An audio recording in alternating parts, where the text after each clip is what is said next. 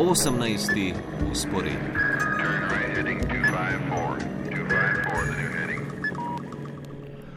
V naši zunanje politični oddaji v državo, kjer predsednike vlade v zadnjem času menjavajo kot po tekočem traku. V nekaj tednih je Avstrija zamenjala kar tri kanclerje, sicer pa obdobje politične nestabilnosti tam traja že več let.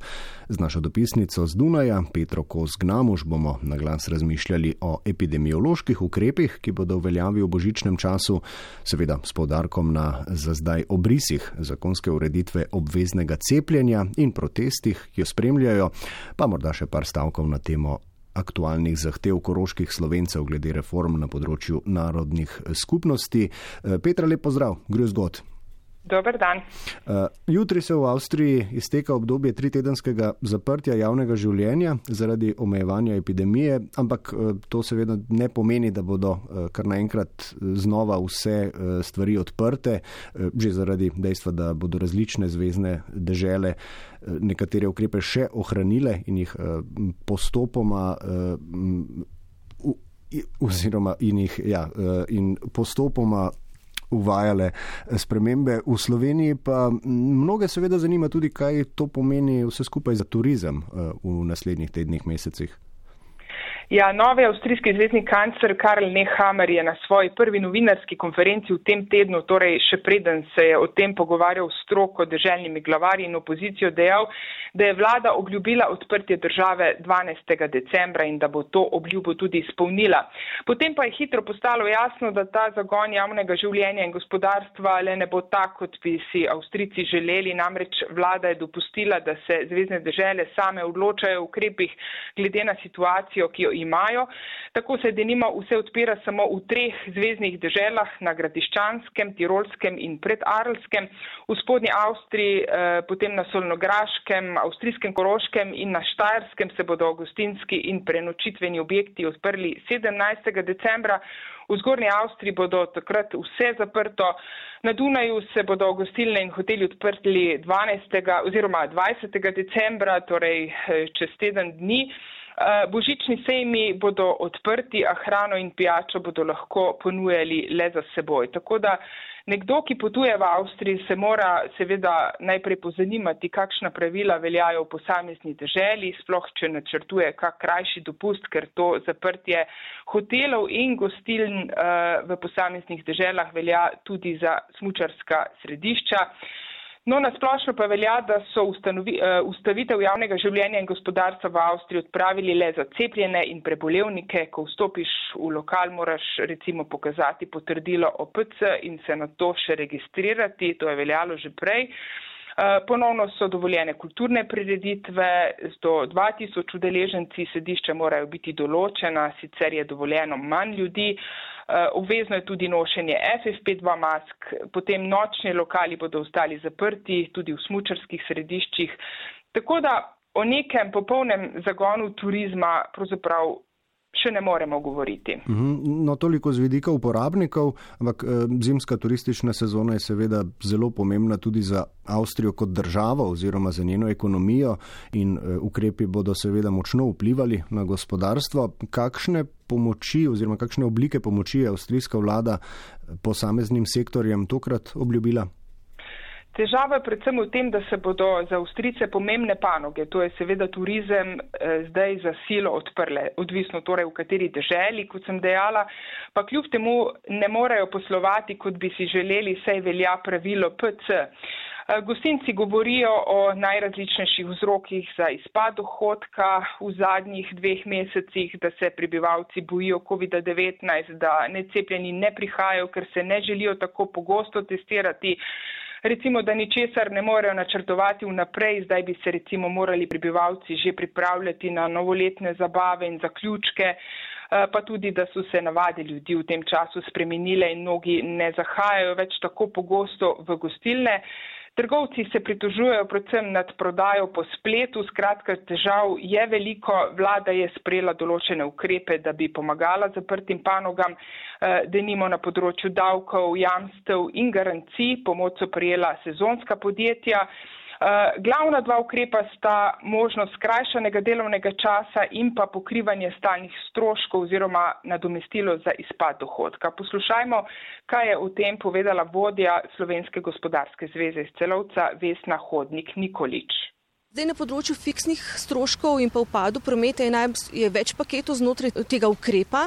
In sicer je odvisno od tega, kakšen je bil upad procenta prometa, to je osnova za izračun te izgube. In potem se nekje krijejo upad prometa do, do 30%, torej če je podjetje imelo upad prometa več kot 30%, je že upravičeno od te izgube in ta je potem različna, visoka, odvisno od branže, je pa to lahko tudi nekje tam od 60 do 80 tisoč mesečno, torej je limitirano na vzgor. V nekaterih primerjih pri mikro in pa malih podjetjih to lahko tudi pomeni 90% kritje uh, izpada dohodka. Sicer pa še vedno velja korona Kurzarbeit, torej koronski skrajšani delovni čas, ki je podaljšan do konca meseca marca 2022. V tem primeru podjetja dobijo lahko kritje uh, stroškov za, um, za zaposlovanje delavcev tudi do 90%. No, to so torej ukrepi, ki jih je sprejela država, ampak eh, mnogi gostinci in hoteleri so mi sicer povedali, da so te pomoči deležna predvsem večja podjetja, sami pa so bili v zadnjih zaprtih države, to je namreč že četrto zaprtje v Avstriji, deležni le manjše pomoči. Govorijo predvsem povprečno o tisoč evrih na mesec, čimer si lahko pravzaprav pokrijejo le stalne stroške, tako da je potem realnost lahko precej drugačna. Veliko slabe volje je tudi zato, ker je ravno veseli december, za mnoge velik vir zaslužka. Ne, gostinci so že postavili svoje terase pred gostilnami stojnice, na adventnih sejmih stojijo, pa so zdaj zaprte. Tudi nenujne trgovine so zaprte, pa smo že skoraj sredi decembra, miklovževanje je mimo. Zdaj bodo imeli Avstrici torej slaba dva tedna čas, da to vse malo nadoknadijo. No, tudi v smučarskih središčih so, kot sem že dejala, hoteli in gostilne še vedno zaprti, smučišča pa lahko delujejo eh, pod posebnimi pogoji, torej PC in nošenje FFP2 mask. Mhm. No in potem je tu še ukrep, ki odmeva po vsej Evropi. Avstrija se je kot prva država odločila za uvedbo obveznega cepljenja za vse starejše od 14 let kako nameravajo izvesti in nadzirati obvezno cepljenje in kakšni so zdaj odzivi javnosti. Videli smo namreč kar množične in glasne proteste. Ja, vlada je ravno včeraj predstavila osnutek eh, zakona o obveznem cepljenju, ki bo v Avstriji torej obvezno od 1. februarja leta 2022. Eh, že v prihodnjih dneh bodo prebivalci dobili termine za cepljenje. V osnutku zakona je predvideno, da če se ne bodo cepili, bodo sredi marca že prejeli kazen v višini 600 evrov in te kazni bodo potem prejemali na vsake tri mesece. No, obvezna bodo tri cepljenja. Obvezno sicer cepljenje ne bo za otroke do 14. leta starosti, potem nosečnice, tiste, ki se iz zdravstvenih razlogov eh, ne smejo cepiti in prebolevnike, ki so COVID-19 preboleli v zadnjih šestih mesecih. Eh, tudi to zaprtje države je bil pravzaprav ukrep, ki naj bi prepričal čim več ljudi, da se cepijo oziroma poslušajmo, kaj je povedal zvezdni kancler Karl Nehammer na to temo. Še naprej se moramo truditi prepričati tiste, ki se še niso cepili, prav tako pa moramo poskrbeti, da se bodo ljudje, ki so že skoraj brez zaščite, zavedali koristi poživitvenega odmerka in izkoristili to možnost. No, to obvezno cepljenje naj bi veljalo za 7,7 milijona ljudi, od tega jih 1,4 milijona še ni prejela prvega odmerka. Eh, potem, ko je vlada sprejela odločitev o obveznem cepljenju, so po vsej Avstriji, kot se že dejal, potekali protesti. Eh, mnenja glede tega so precej deljena in še naprej razdvajajo prebivalstvo, pa niso deljena samo zaradi obveznega cepljenja in protesti potekajo eh, tudi iz drugih razlogov, namreč tudi zaradi nedavnega zaprtja države. Tudi tu ljudje različno razmišljajo, ali je to res potrebno v takem strogem smislu ali ne. Uhum. Sicer pa tudi, tudi ni banalno vprašanje, katera vlada bo sploh nadzorovala proces obveznega cepljenja. V Avstriji je to v zadnjem času postalo kar težko vprašanje, glede na res eh, pogoste menjave v vrhu politike. Petra, kakšna je nova vlada pod vodstvom eh, Karla Nehamerja oziroma, če drugače vprašam isto, Kakšno politično zapuščino je v svoji turbulentni karieri eh, pripravil odstopljeni Sebastian Kurz? Ja, eh, samo v zadnjih dveh mesecih so se zamenjali trije kancleri, v zadnjih petih eh, letih pa skupno šest kanclerjev. V tem tednu je prišlo tudi do zamenjave nekaterih ministrov in predsednik države Aleksandr van der Bellen je v svojem mandatu od začetka leta 2017 skupno z državnimi sekretarji imenoval že okoli 60 članov vlad. Sicer pa poslušajmo, kaj so mi o tem povedali mimoidoči na avstrijskih ulicah. Ich bin nicht ganz konform mit der ganzen Sache, weil es ist verrückt. Äh, ne strinjam se z vsem tem. Vse te spremembe mejijo že na norost.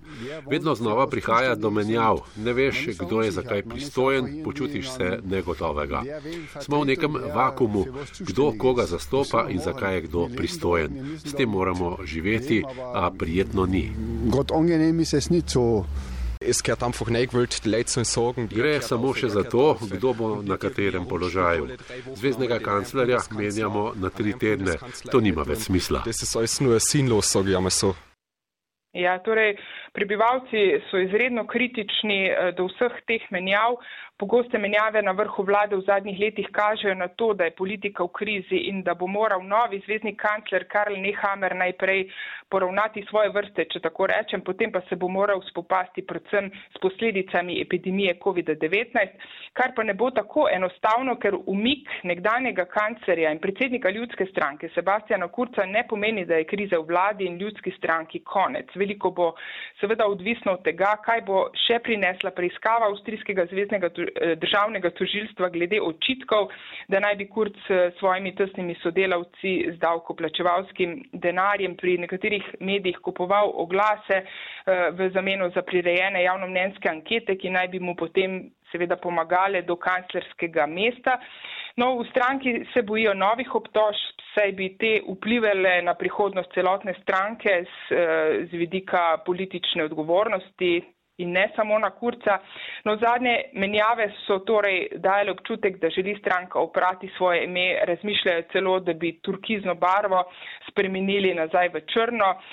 Um, Res, da je Kurt stranko pripeljal na vrh, vendar pa se bodo morali zdaj zelo potruditi, da tam tudi ostanejo, predvsem zaradi te oglaševalske afere, pa tudi zaradi tega, ker podpora zaradi epidemije COVID-19 vladi v zadnjih eh, tednih pada, zaradi vseh teh poustritev zaprtja države in ukrepov. Ob koncu, eh, kot napovedano, še k slovenski manjšini na Koroškem. Eh, Narodni svet koroških slovencev je novega kanclerja v ponedeljek pozval, naj se njegova vlada ne mudoma loti reform na področju narodnih skupnosti. Petra, kaj imajo v mislih? Eh, zakaj tak poziv, tako urgentno zveneč, če lahko tako ocenim?